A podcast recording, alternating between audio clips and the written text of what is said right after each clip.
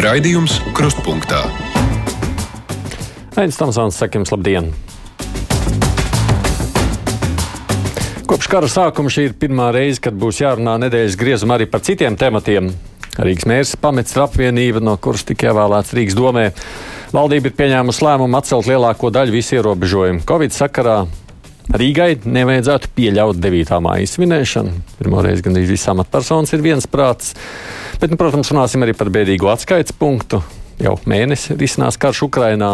Ir arī Latvijā pirmie aizturētie saistībā ar kara slavināšanu. Piektdienās žurnālisti pārnā nedēļas notikums un par šiem tematiem grasāmies nākamajā stundā runāt. Gan jau kaut ko no tā visa pieminēsim arī šajā pusstundā, jo šis ir laiks brīvajam mikrofonam ar. Un šodien man kolēģi Ukraiņas atbalsta biedrības valdes locekli ir Jāna Streļets. Labdien! Labdien! Droši vien iesākot kaut ko no tā visa, kas ir tas, kas jums šķiet, par ko visvairāk ir vērts runāt, kas jūs satrauc. Es domāju, ka šobrīd varbūt ir vērts ieturēt klusumu pauzi, godinot cilvēkus, kas ir gājuši bojā un jau no 14. gada. Dažas sekundes arī mums šeit ētrā klusums. Nu jā, bet vispār skatoties uz to visu, gaidām klausāmies, kas mūsu ļaudis satrauc šodien. Uzklausām mūsu klausītājus. Brīvais mikrofons. Gribētu parunāt par veselību nedaudz. Gribētu iemest vienu akmentiņu arī žurnālistu dārziņā. Telefona numurs 6722, 888, otrs numurs 672, 559, nu, un, protams, elektroniski arī varat, kā vienmēr, sūtīt caur mājaslapu, sakot to, ko gribat pateikt. Paliek ar vien interesantāk bija informācija, ka Lužņika stadionā uzstājās Putina dubultnieks. Šodien kanāls Nastiešie Vremji pierāda, ka vakardienas sižets ar Šoigu piedalīšanos sarunā ar Putinu ir fakes. Tas īstais brīdis ir piemontēts ar Šoigu marta sākumā, un šodienas brāki, it kā ar Žiranovski nāvi, tad sola tos, kas izplatīs šo info, tiesās nu par valsts nodevību. Ko jūs sakāt par visu to ārprāt ar to informācijas saprašanu no Krievijas, kas nāk? Nu, Krievija jau, man liekas, gadiem arī strādā pie tā, lai būtu pēc iespējas grūtāk saprast, ko viņi tieši saka gan tās visas viņu ēzopu valodas, gan arī kaut vai nu, tas pats Žirinovskis ir dzīves, ir nav. Neviens nezina šobrīd. Nu, vismaz mēs nezinām. Tur Krievijā pašlaikam nezina. Nu, droši vien, ka nezina. Gan jau droši vien, ka pats Žirinovskis. Pats arī visticamāk nezina, vai viņš ir dzīves vai nav. Halo! Jā, lūdzu! Aļu, dzirdiet mani? Dzirdam, dzirdam. Tā, mans ierosinājums 9. maijam novietot pie pieminiekta lopu vagonu no Turnkalna un melnu karogu. Uzraksts 8. maijs, kritušo piemiņas diena, 9. maijs, okupācijas diena. Vēlamies tikt atpakaļ uz Krieviju. Palīdziet mums! Viss, paldies! Atbalstāt! Nu, nezinu, vai tieši tādu tehnisku risinājumu, varbūt tas vairāk uz praktiskām lietām, tad varētu pieteikties uz kaut kādu mūsu valstī, saprot, naudas joprojām ir tik daudz kā nekad agrāk, tad kādēļ šiem cilvēkiem neizmaksāt pārvākšanās pabalstu? Vai ne? Aizbraucam. Nu, tie ir tā praktiski, ne dekoratīvi. TV3 skatījos sižeta rakstums Andris par humanās palīdzības kravas sūtīšanu uz Ukrajinu. Cilvēks, kas sūtīja jaunās mantas tūkstošiem eiro vērtībā, atklāja, ka šoferis ir marodieris, bija nozadzis ķiveri un vēl citas mantas. Mani pārsteidz biedrības tavi draugu vadītāji atbildi, ka šoferim paslīdāja kāja. Nu, nonsens. Nu, redzat, tas, ko es gribu teikt, un tas, ko es visu laiku saku, ka ar palīdzību Ukrainai ir jābūt ļoti uzmanīgiem un mm. ļoti, ļoti saprātīgiem. Pirmkārt, tai palīdzībai ir jābūt tieši tādai, kā vajag. Sūtīt pudeļoto ūdeni un vēl visādus nonsensus uz Ukrainu nevajag. Tas ir manā izpratnē noziedzīga naudas ķēzīšana. Un otrs ir, protams, jautājums, eh, vai visa palīdzība aiziet kā palīdzība, ja beigās kāds to pārdod. Jo Ukrainā jau ir vairākas krimināla lietas ierosinātas tieši par to, ka humanās palīdzības krāvas, diemžēl, beigās tiek tirgotas. Mm. Nu, protams, vēl, vēl jau ir arī tas, ka ir arī humanās palīdzības krāvās atrast tiksim, GPS raidītāji. Ja? Nu, kā, nu, mēs arī nevaram uzskatīt naivi, ja, ka, ka visi grib labu. Ak, tā pilnīgi. Ak, halo! Labdien! Labdien. Tā man arī ir ierosinājums. Varbūt vajag taisni izmantot šo brīdi, un parādīt savu nostāju pie šī pieminekļa, paņemt lielus, lielus plakātus ar uzrakstu mēs pret imperiālismu, tieši pret imperiālismu, nevis tur komunismu vai okupāciju un, un, un fašismu, ko tur, bet tieši pret imperi imperiālismu. Nu, tāda ir mana doma. Nu, vienīgais, ja tur sanāks sadursmes, viena svinēt un viena stāvēs ar plakātiem, arī diezkas nav. Nu, bet tur taču vienmēr ir tik daudz policijas. Es domāju, ka mēs mierīgi tā varam iet un stāvēt pret imperiālismu. Tā ir tieši mūsu problēma, ka mēs 30 gadus esam pārāk klusi un maz un stāvējuši un uzskatījuši, ka mēs lēnām visus integrēsim un viss jau notiks pats par sevi. Un cilvēki redzēs, ka Eiropā ir labāk. Redzēt, it kā viņi redz, bet nu, tas ir tas pats jautājums, kas ar Krievijas mm. informācijas telpu, kas tajās galvās notiek, nav saprotams. Mm. Lasīju vienu interesantu plānu par NATO un Ukrainu, ka, lai Ukraina piesaka karu NATO, tad uzreiz saka, ka kapitulē un, kapitulē un NATO pārņem Ukrainu. Kā jums šāds plāns prasa Juris? Nu, jā, nu, kaut kāda humora deva jau vienmēr ir dzīvē jāsaglabā.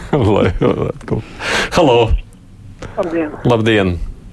Zelenskis lūdz palīdzību rietumvalstīm. Jā, šodien skatos to sanāksmi Briselē, kur Baidens un mūsu kariņš spiež roku Baideņam ausis smaids līdz ausīm, pārējiem arī smaidiņas sejā. Nu, vai tas nav amorāli drusciņi, ko, kā jūs domājat? Mm. Ir amorāli tas.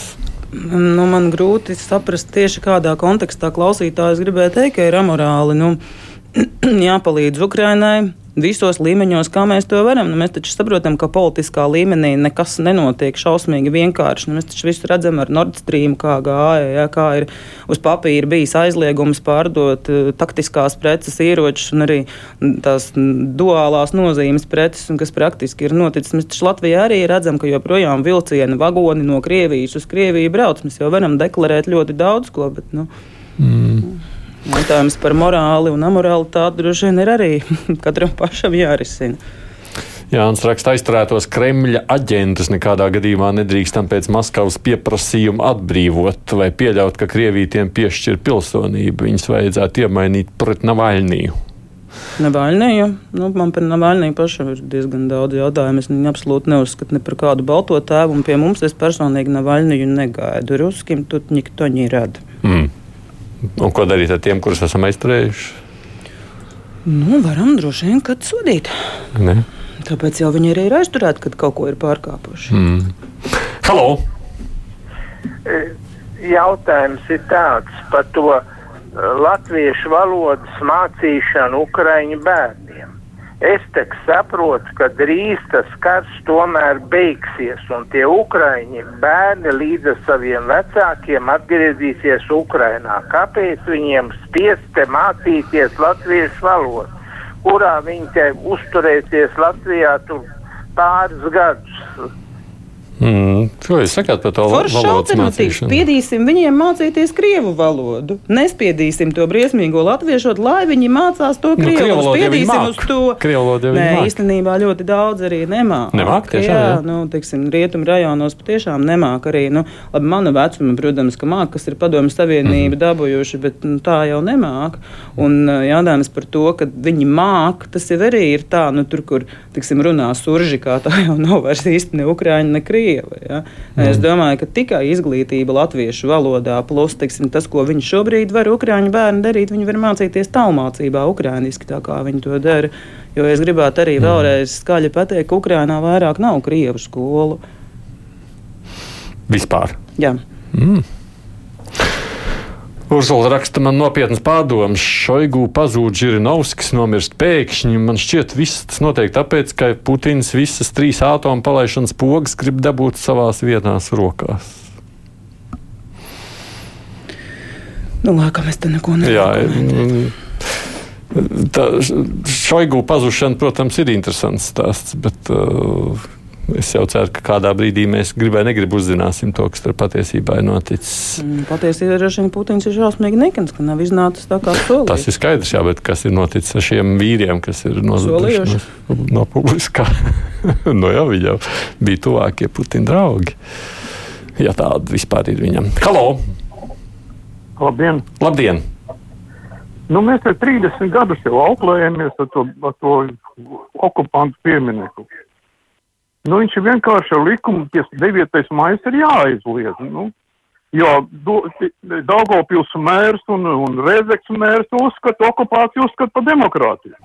Vienkārši tas jāizliedz, un beidzās šī tas te, tā, tā ņemšanās. Mm. Vai var aizliegt vienkārši kādam? Ja, ja pat cilvēks iet un noliek puķis, nu, ko tu viņam var aizliegt? Nu, droši vien aiziet un nolikt puķis nevar aizliegt. Jautājums, vai tiešām ir jābūt okupācijas piemineklim Rīgā vēl joprojām. Ja?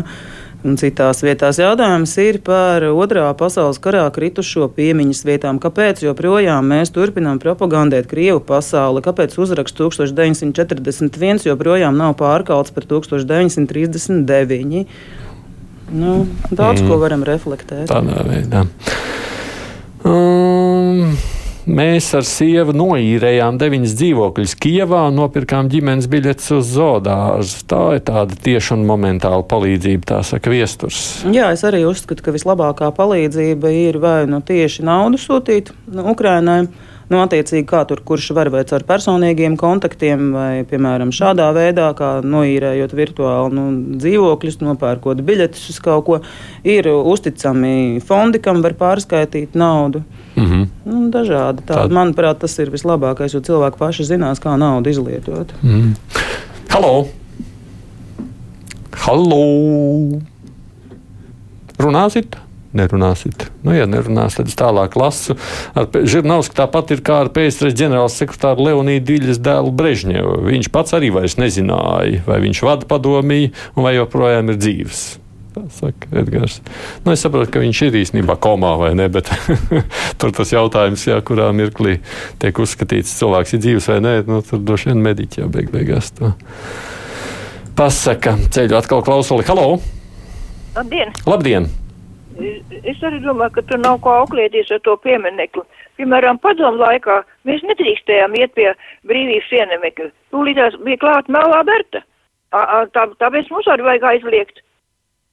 Necakot atstāt, bet aizliegt iet pie pieminiekta. Nu, mēs jau tāpēc, paldies Dievam, arī esam brīvā Latvijā, ka mēs neesam vairs tā kā padomi laikos. Ne mums ir uh, aizliegums iet pie pieminiekļa, ne mums ir citi padomi laiku ārprāti. Ja, un, un to mums droši vien vajag cienīt bet nepalikt arī par muļķiem. Ja, jo nu, tas jau, protams, vienmēr ir demokrātijas ahilēja papēdis. Ja, kad kamēr tu domā, sver un mērī, tikmēr diktators vienkārši izdara tā, kā viņš grib. Mm.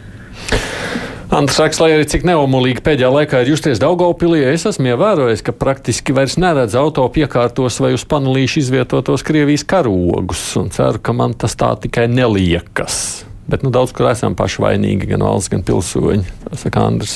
Nu, protams, tieši tā pati sarunāšanās ar cilvēkiem Krievu valodā, nu, kāpēc vienmēr tik iztapīgi. Mans tēvs par to vienmēr šausmīgi pārdzīvoja, kā viņš atbrauc jau vecumā pie 40 uz Latviju ar mm. mammu iepazinās. Nu, viņš uzreiz sāka latviešu runāt. Nu, sākumā tu zini, labdien, paldies, tad to pamazām paplašinās vārdu krājums, bet akcents jau viņam vienmēr palika. Tur vienmēr bija Nikons, kā tukuma ziepnieks, atbraucis no. Rīgas ieeja veikalā, runāja latviešu. Nu, kāpēc viņa uzreiz pāriet uz krievu valodu? Mm. Un pēc tam aiz muguras saka, ka šitie te nemācās. Mm. Halo! Labdien! Labdien. Man uztrauc tas Tomsons kungs, ka mūsu vēsturnieki ir ļoti zemā līmenī. Un pateikšu, kāpēc. Otrā pasaules karā Krievi nebūtu uzvarējuši, ja amerikāns nebūtu iedevis no adatas līdz ieročiem. Viņi bija patiesībā sakot gaļas vērtībā. Hmm. Un gribu vēl vairāk pateikt, man ļoti žēl, ka cilvēki daudz runā un, un, un runā, kā teikt, ar biezumiem. Patiesība ir tāda, kā tā patiesībā ir. Patiesība vienmēr tāda, kāda patiesībā ir. Mēs bieži nezinām. Tur jau tā nelaime, kāda tā patiesība mums liekas, ka mēs zinām. Bet nu, nevienmēr zinām. Nē, nu, labi, nu, tas jau arī droši vien ir tas gaisa jaukšanas mērķis, lai mēs ar, ar viņu vairāk šaubītos un vispār neko nevarētu atšķirt. Mm. Bet kaut kāda robeža jau vienmēr ir novelkama. Nu, tad brīvīgs arī var būt tikai kļūdījās. Labdien, ja nevar kaut kā savādāk, tas ir beidzot likvidēt, tad ierosinājums ir dažas dienas pirms 9. māja no visām ziedu bāzēs un veiklos bloķēt visas sarkanās krāsas ziedus, atstājot tikai dzeltenas un zilas krāsas, un vēlams iepirkt saules puķis. Slavu Ukrainai, tā raksta Truzīte. Nu, tas jau būtu mūsu brīnišķīgs pilsoniskās tādas sabiedrības. Mm, demonstrācija, bet nu, te jau atkal ir, ka katrs mēģina vilkt to deķi sev tuvāk, no kurienes tad rodās šīs sarkanās neļķis. Jā, jā, tā arī. Halo! Halo. Jā, lūdzam! Nu, labdien, Tomsen kungs! Labdien! Sakiet, lūdzu, man ir divi citi jautājumi. Cik gads tad vēl būs jāgaida, kamēr eh, šito te pulksteni beigs grozīt, pēc kam mēs tai kolhozā stājamies? Un otrs jautājums, kam pieder Inču kalnu gāzkrātuve? Jo es domāju, ka Kalvīts ar Godmaņu kungs ir privatizējuši, jo soli jau no kuivišos uzlikt uh, sauruļvātu uz Inču kalnu gāzkrātuve. Jūs jau varat domāt visu, ko, bet pieder joprojām Latvijas valstī gan Inčkalna gāzes krātu, gan runājot par kolhozu, kurā jūs iestājāties.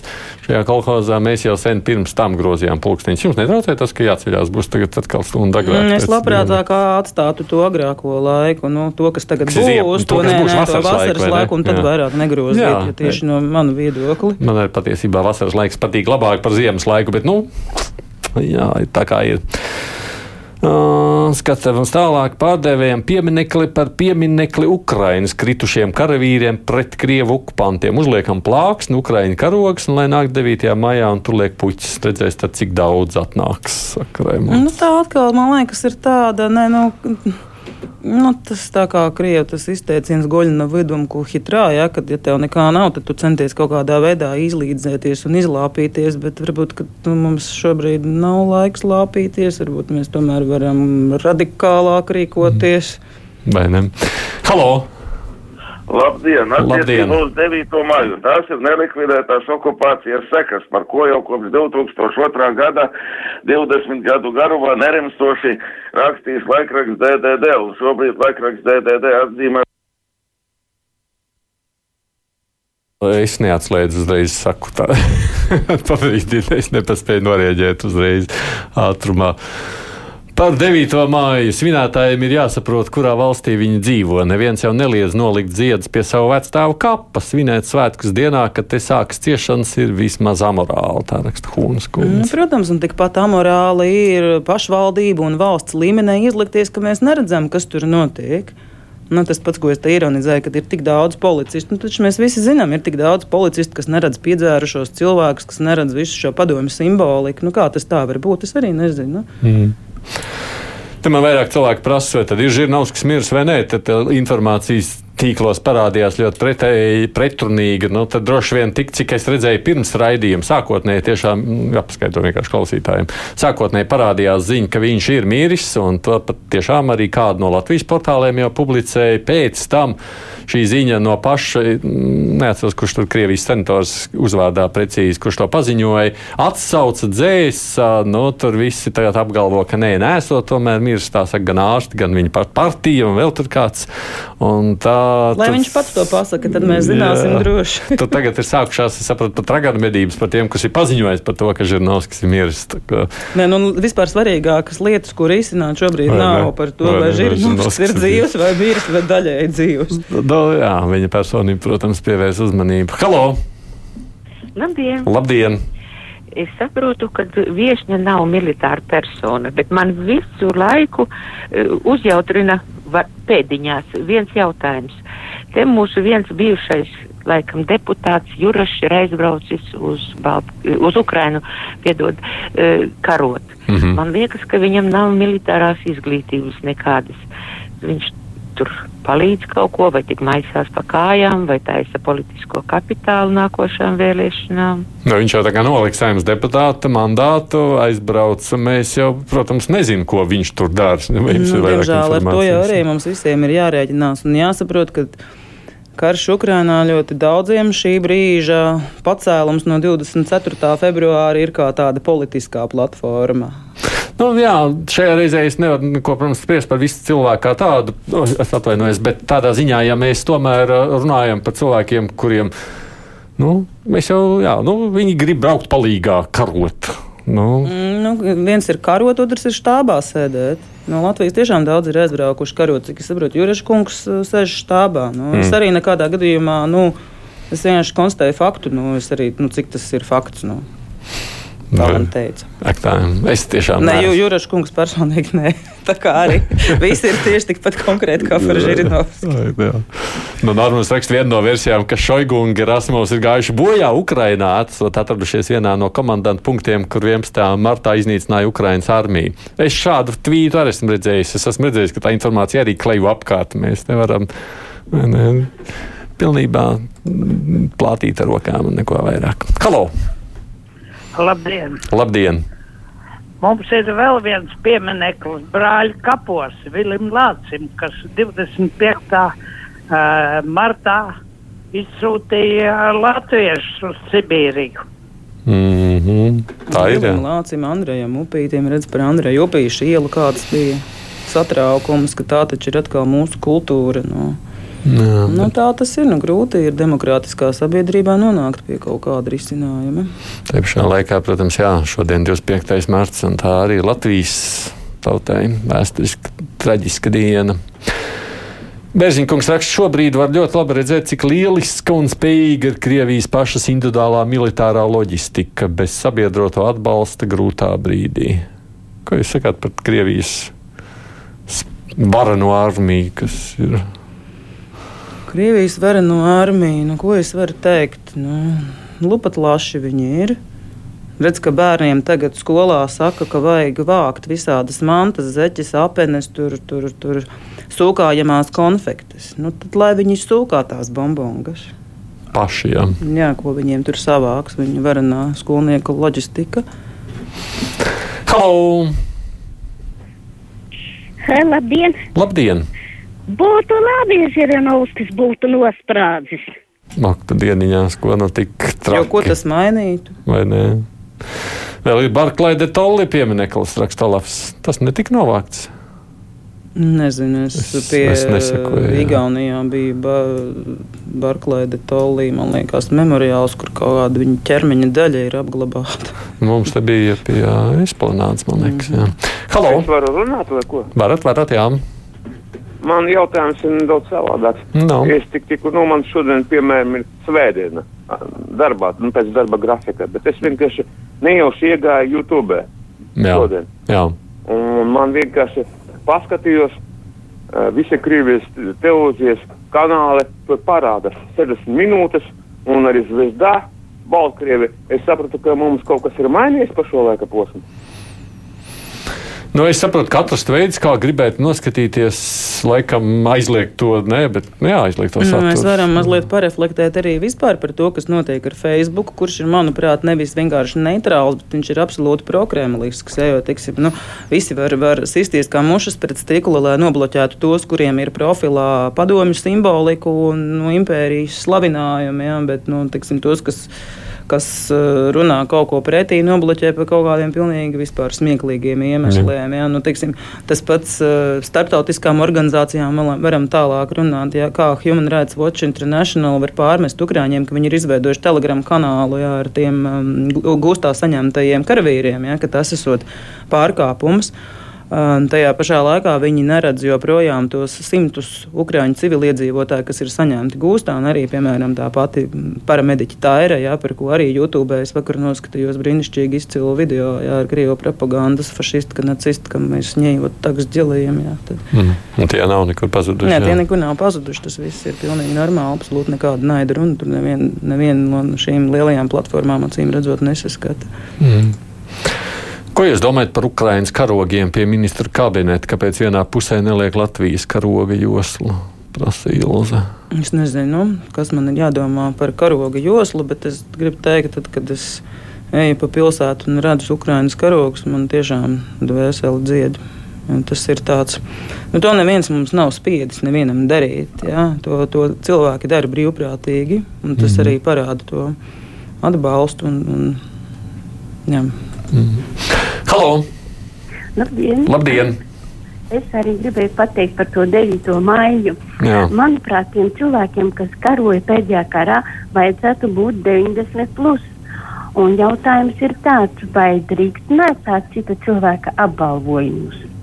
Tur varētu pienākt klāt politiķis vai žurnālisti kādiem cilvēkiem, kas ir ar apbalvojumiem pie pieminekļa, un pajautāt, cik jums bija gadu, kad jūs beidzās karš, Par kādu notikumu jūs dabūjāt šo apbalvojumu? Mm, nekad neesmu aizdomājies, laikam atzīšos par šo jautājumu. Mm, tur jau liela daļa to, to apbalvojumu ir par kaut kādiem slaukšanas sacensībām, labākajām un tam līdzīgi. Bet nu, jautājums jau ir arī tieši par, par to, ko mēs vēlamies redzēt, ko mēs redzam. Mm. Uz 9. māju vajag slēgt visu uzvaras parku, lai tur nav kur pulcēties. Slēgšanas iemesls varētu būt, ka piemineklis ir bīstams apmeklētājiem. Tad veikt pārbaudu un pēc pusgada pateikt, ka piemineklis ir jānojauc, jo atklājies, ka tas var sabrukt. nu, ja grib, tad var. Atrast veids, kā to darīt. Halo! Jā, lūdzu! Nerunāsit! Nerunās. Nu, kad nerunās, nerunās. Jā. Parka vietā vajag iestādīt tābeļu dārzu. Būs smuki, tā mums viens klausītājs rosina. Halo! Es dzirdu, labdien! Labdien! Veiksim darbiņā! Jā, paldies! Mēs tagad klausamies un runājam jau o, divi mēneši vēl līdz 9. maijam. Vai neizrādām pārāk lielu godu Latvijas un latviešu nemīlētajiem? Un arī visas kameras, kas filmēs televīzijā, rādīs, un viss tas, viss tas baigais gods ir, un slava mums tādus svētkus uztaisa, vai ne, ka jāslēdz televizors ārā tajās dienās. Ko sakāt? Ir varbūt par lielu tā uzmanību mums pievērsta tam. Šobrīd, nezinu, no domāju, ka šobrīd tieši ļoti labi varētu sagatavoties, izņemties demokrātiski divus mēnešus un tad uh, cirst bez Citādi nevar, ne, mums, mums vajadzētu izvildoties pašiem, mm -hmm. ne, šajā reizē. Latvieši dara visu labāko, lai Ukrāņiem palīdzētu, bet vakar TV3 ziņās teica, ka Ukrāņi negribot dzīvot piepilsētos, viņiem vajag centros. Internets sižetā redzēja, ka drēbju grēdas plūst uz Ukraiņas robežām, robežām nevienam nevajadzīgas. Kāda manikīra stāstīja piedzīvoto, ka divas Ukrāņietes pieprasīja manikīru uzreiz un tūlīt bez maksas. Ko jūs kā uzaicinātā persona par to teiktu? Prasa, es kā uzaicinātā persona vēlreiz varu teikt to, ka palīdzībai ir jābūt tikai tādai, kas ir pieprasīta, sūtīt visas šīs nevienam nevajadzīgās preces, tā skaitā drēbes, tā skaitā nepārbaudytas, nezinu kādas. Biedrība Dāca Facebookā bija ielikusi brīnišķīgus fotoattēlus ar to, kas viņiem ir iedots, ko sūtīt Ukrāņiem un ko dod bēgļiem, jāsākot ar puspiekakātiem pamperiem. Uh, otrs, ko es gribu teikt, ka mūsu biedrība Latvijas Ukrāņu kongress jau pirms šī lielā kara sākuma, tad, kad bija runa, ka Latvija gatavojas uzņemt cik tur tos 15 miljonus bēgļu jā, pierobežā par, par, par 30 miljoniem būvēt teltis. Nu, mēs jau uzreiz ļāvām, ka mūsuprāt šis ir diezgan nereāls scenārijs, jo ļoti liela daļa cilvēku ir ieradušies Latvijā vēl līdz 24. februārim. Tie, kas ir ieradušies ar savām biometriskajām pasēm, ar 90 dienu tiesībām uzturēties Eiropas Savienībā. Tie pilnīgi noteikti ir tie, kuriem nav nekādu pro-eiropeisku sentimentu, kuri nav nevēlas neintegrēties, nu, kur tieši ir tādi padomu pilsoņi, kuriem mm, lūdzu galdiņu klājies un fiksi. Uh, esmu šo jautājumu mēģinājusi vairāk kārt aktualizēt, piemēram, par to, nu, kāds ir mm, pamats cilvēkam sniegt palīdzību. Ja. Nu, tur arī ir, ir, ir nu, tas arī nav tik vienkārši, bet teiksim, mūsu iekšlietu ministrija, kas man toreiz atbildēja, Mūsu uzstādījums tāds, mēs palīdzēsim visiem ukrāņiem neatkarīgi no tā, kurā datumā viņi šeit ir ieradušies. Nu, tā arī ir atbilde. Tad, kad jums atnāk sievietes un pieprasa tūlīt uzreiz manikīru un negrib dzīvot tur un negrib to un negrib šito, jautājums, vai tie patiešām ir bēgļi, ja, kas ir atmukuši no kara un kas ir pateicīgi un, un, un priecīgi par, par palīdzību. Jums tie ir tie, kas šeit ir atbraukuši jau agrāk un kuri vienkārši uz kara rēķina kapitalizē. Jānis Streļets ir Ukraiņas atbalsta biedrības valdes locekle. Paldies, ka atnācāt! Paldies jums! Bija Paldies arī klausītājiem par zvaniem, rakstīto ziņas. Tad ar žurnālistiem runāsim par nedēļas aktuālo.